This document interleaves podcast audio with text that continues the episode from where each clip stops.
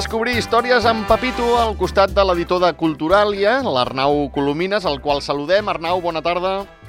Què tal, Xavi? Bona tarda. Molt bé. Eh, primer de tot, deixa'm començar felicitant-te perquè sé que aquest diumenge estaràs molt enfeinat a Valls. Sí, sí, sí. sí. Presentació de 100 coses que has de saber sobre Andorra, eh? Exacte, sí, sí. És curiós perquè encara no l'hem pogut presentar a Andorra i, i ja fem una presentació fora d'Andorra. Però bueno, aquestes coses es veu que ja passen sovint. Sí. Bueno, mira, escolta'm, eh, comences amb una presentació internacional, eh, fora de les fronteres, està molt bé. Tot Sí, perquè, eh, sí. pel tema de germanament, no?, entre les dues ciutats, entre el que és Andorra la Vella i Valls, Sí. no? Molt bé. Exacte, Andorra la Vella i Valls estan agermanats, llavors hi ha una sèrie d'actes. Sí.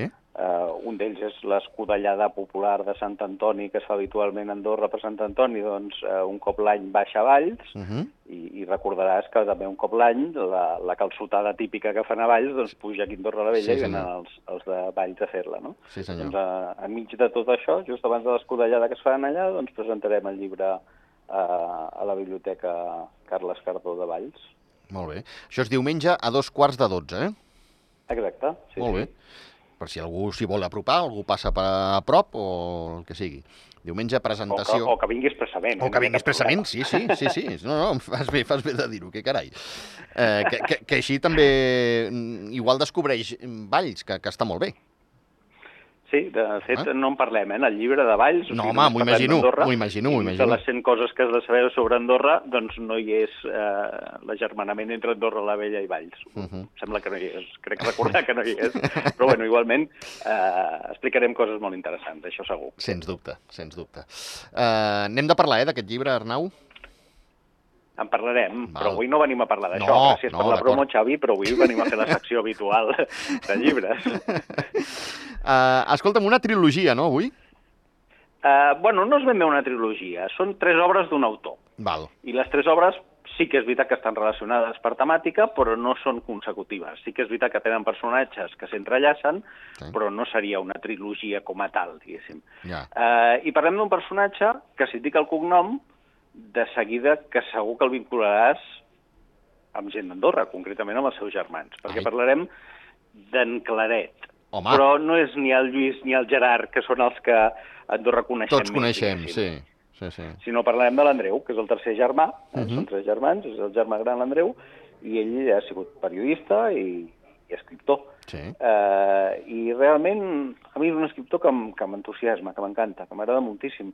Carai. Eh, per la temàtica, per la manera d'escriure, per com ho fa, i, bueno, eh, sí que és veritat que ell no ha estat present a la vida pública del nostre país, vale? Sí. Uh, I per això, doncs, si pensem en els Claret, potser ens el descuidarem i ens pensarem que són dos germans, són, no? són tres, vale? però sí, Sí. que és veritat que, que ha, estat, ha estat present a la, a la vida pública catalana, vull dir, és un Sí, i personatge conegut, reconegut i amb trajectòria, Sí.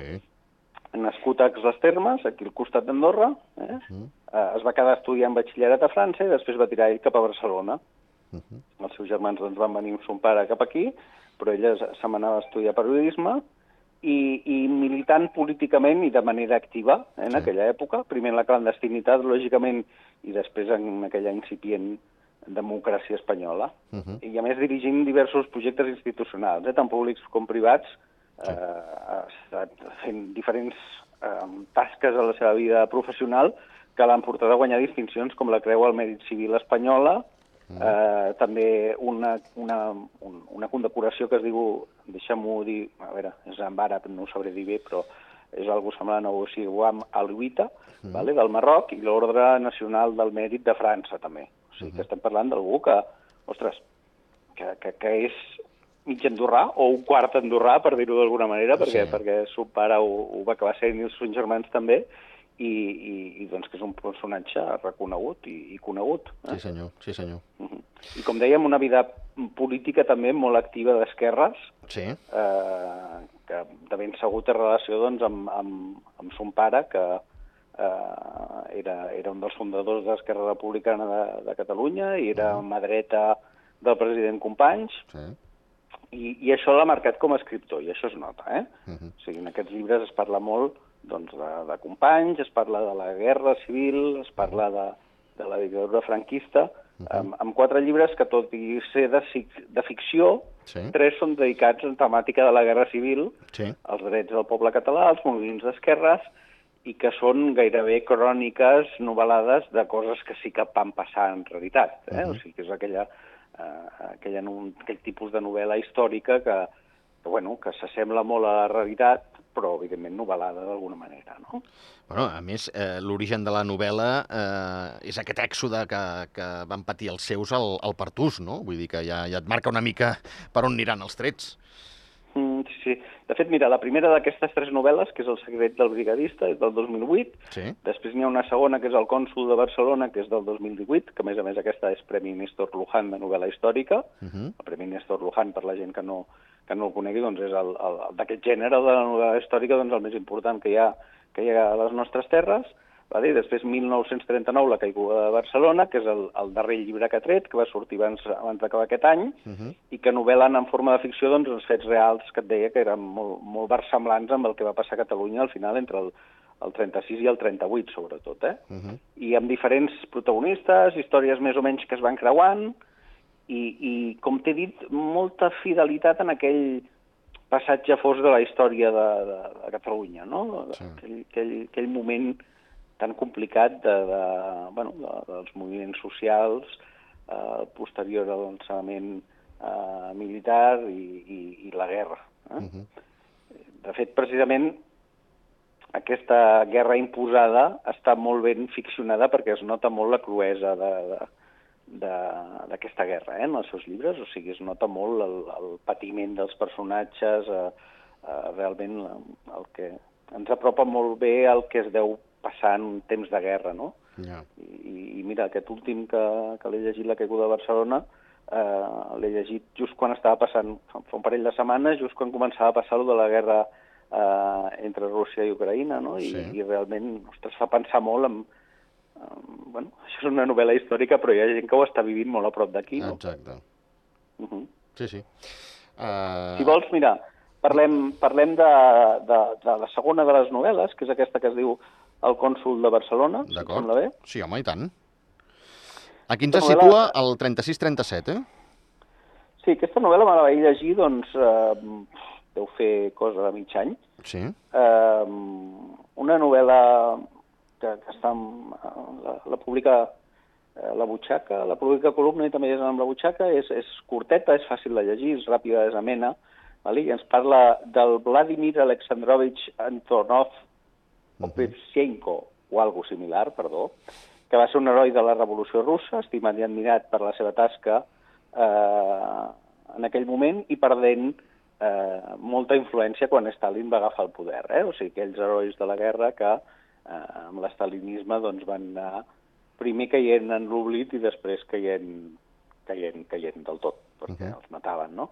Eh, les antigues amistats eh, amb el govern doncs el que passen és fractura en aquest eh, diplomàtic i l'acaben enviant a Barcelona com a cònsul rus durant la Guerra Civil. Per tant, en un moment on, ostres, ha de ser complicat que t'enviïn de, de, amb una missió diplomàtica en un lloc on, on hi ha un conflicte bèl·lic, no? Doncs sí, doncs sí. ha de ser realment, realment molt complicat. En aquells moments has de pensar que a Barcelona eh, hi havia molta vida diplomàtica, o sigui, era, era molt ple de cònsuls de diferents països, les ambaixades eren, eren a Madrid, però uh -huh. hi havia consulat a Barcelona gairebé de tots els països i, i realment hi havia molta vida eh, política, però també vida social entre eh, els del gremi, diguéssim, no? Allò, uh -huh.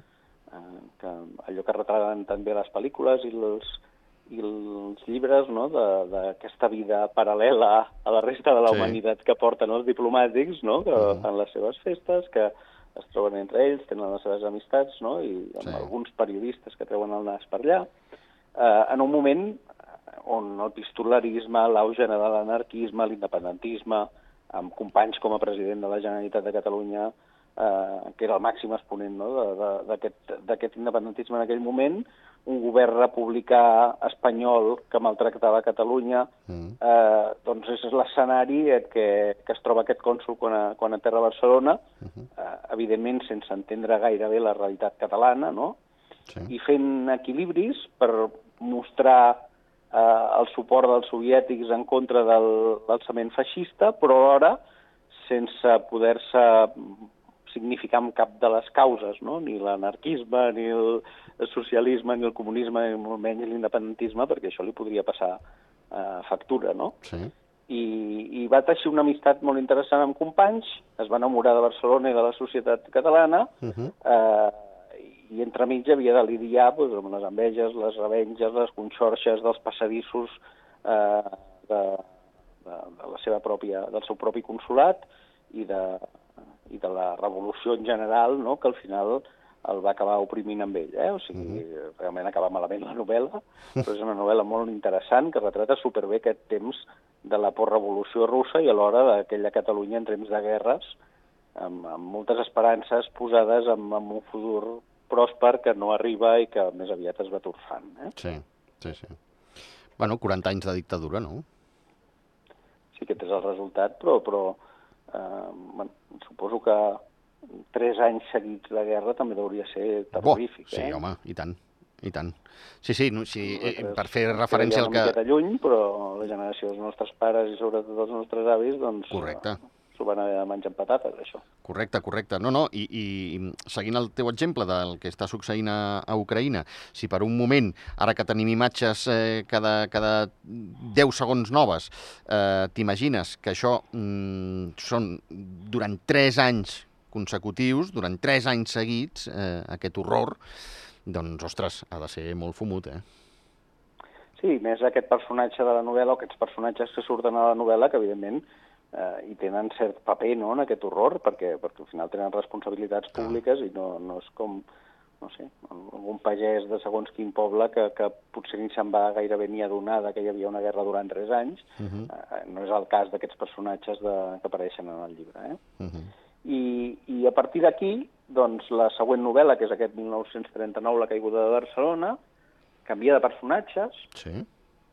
però segueix una miqueta la línia d'aquesta novel·la. Eh? I, Val. llavors, la, a veure, jo si t'ho he de definir d'alguna manera, és, és aquell nus a la gola que t'apareix a causa de la impotència, quan hi ha alguna situació que et genera moltes emocions fortes, no? Sí. I, i tu no pots, no pots fer-hi res, no? Allò Sí. de que tanques els punys amb ràbia Sí. i tens els sentiments a flor de pell, doncs una miqueta són les, les, les dues sensacions que m'ha causat a mi eh, en diversos moments aquest, eh, aquest relat de l'Andreu Claret. Home, eh? Déu-n'hi- El Déu-n'hi-do, doncs. 1939, la caiguda de Barcelona. I eh, ja, ja sé que és complicat explicar emocions, vale? Uh -huh. Eh, per tant, bueno, parlaré del llibre i de les emocions que genera i a veure si a l'oient i, i, possible lector d'aquesta novel·la també li genera algun sentiment. No? Per Molt un costat, eh, l'argument del llibre el que fa és gira sobre el Manalet, que és un, és un pai, un barceloní que és boxejador, Uh -huh. és proper al catalanisme i als moviments d'esquerres, tot i que no significa massa, Uh -huh. vale? però la guerra li destrossa la carrera perquè ell era un boxejador que semblava que, que apuntava força alt, però va haver d'anar al front i a causa de- d'una bala doncs, va quedar ferit i per tant ja no va poder boxejar més. Vale? Doncs, eh, ell protagonitza el llibre conjuntament amb la seva amant, que és una noia que es prostitueix per tal d'enviar diners a la seva família, que és jueva, Sí. Vale?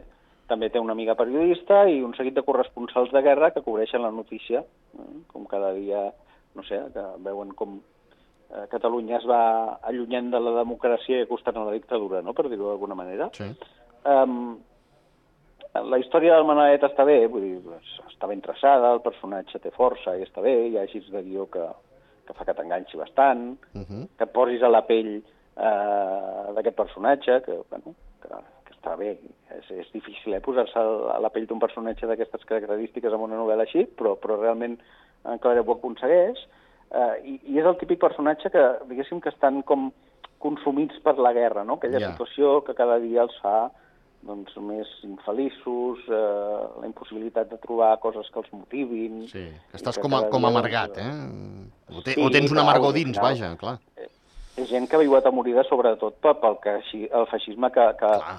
que, que el veuen arribar i que, a més a més, va creixent per tot Europa en aquells moments. Correcte, no? correcte, I sí, sí, sí, que sí, Veuen sí. que, bueno, que tot se'n va a Norris, no? Uh -huh. I, però resulta que la novel·la, a veure, això és interessant, eh? I la part aquesta novel·lada de la història d'aquest senyor està bé, però hi ha un coprotagonista de luxe, que és Lluís Companys, que és president de la Generalitat, no? Sí. Eh, resulta que el Benedet és del Terrós, com el president eh, Companys Sí. i després de caure ferit durant la guerra es converteix en l'home de confiança del president de la Generalitat Val. perquè de fet li fa de xofer però alhora també li fa de, de guardaespatlles al final acaba sent el confident i la mà dreta Uh -huh. eh, en un procés doncs, que, bueno, eh, que va passant companys al llarg de, de, de tota la guerra, no? d'aquests anys de guerra. Sí.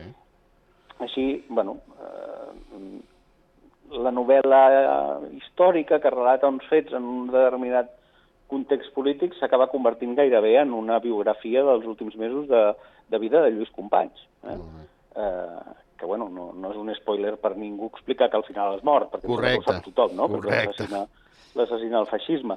Però la qüestió és que eh, eh, Companys, que és, que és un home que intenta trobar consensos, és un personatge valent, al final és traït per la República Espanyola, és menyspreat i castigat fins i tot per alguns dels seus, eh, per culpa d'això, no? de voler fer aquests equilibris que ell creia necessaris per unir les esquerres eh, i derrotar el feixisme, i, i alhora també conservar la dignitat de la institució de la Generalitat en un moment que, que no tenia, la Generalitat no tenia absolutament res, el govern espanyol li va prendre eh, tots els diners i tot el finançament que tenia la Generalitat i per tant no podia actuar com a govern eh, de Catalunya en aquell moment, no? Uh -huh. I a part d'això, doncs, intentar preservar eh, les institucions i la llengua davant de l'amenaça franquista, no? Eh, I organitzant l'exili dels intel·lectuals i, i, i l'exili de la mateixa Generalitat al final, eh? Molt bé. Uh, Arnau, ens queda res, minut i mig com a molt. Uh, imagino que aconselles aquesta mena de trilogia. No tan sols la, la, la darrera, aquest 1939, la caiguda de Barcelona, sinó tota la trilogia, eh? Sí, de fet, ja, ja saps que jo normalment eh, el que et recomano són llibres que m'agraden. Sí, eh? o, o, sí. Del que parlo són llibres que m'agraden. Sí que és Sí. veritat que alguna vegada t'he parlat de, de llibres que són un desastre i que no s'aguanten per enlloc. Però també va estar no? molt bé, també va I estar que molt crec bé. que això forma part del, del servei públic que fa una ràdio nacional, no? Sí, senyor. D'explicar, escolta, això no cal que ho llegiu perquè no, no val la pena, Exacte. però en aquest cas no és així. En aquest cas, o sigui, Mhm. realment són llibres, ja et dic, molt ben traçats, els personatges, la història, al ser basada en novel·la històrica i amb, amb, amb una part de la vida del seu pare, no? Doncs eh, crec que està molt ben documentat i, i realment en Claret ho fa superbé. Molt bé, doncs Arnau Colomines, editor de Culturalia, moltíssimes gràcies i diumenge, per poc que puguem, tots cap a Valls a aquesta presentació a la Biblioteca Carles Cardó a dos quarts de dotze. I després, escolta'm, I si no- escudellada. I si no, no cal patir, eh? que el dia 31 el presentem al Rosaleda, per tant, Molt bé. escolta'm, això és a tocar. Molt rebé. Doncs vinga, va, fris, Gràcies, frisem però esperarem, va. gràcies, Arnau. Molt bé. Una, una abraçada. Adéu-siau. Adéu-siau.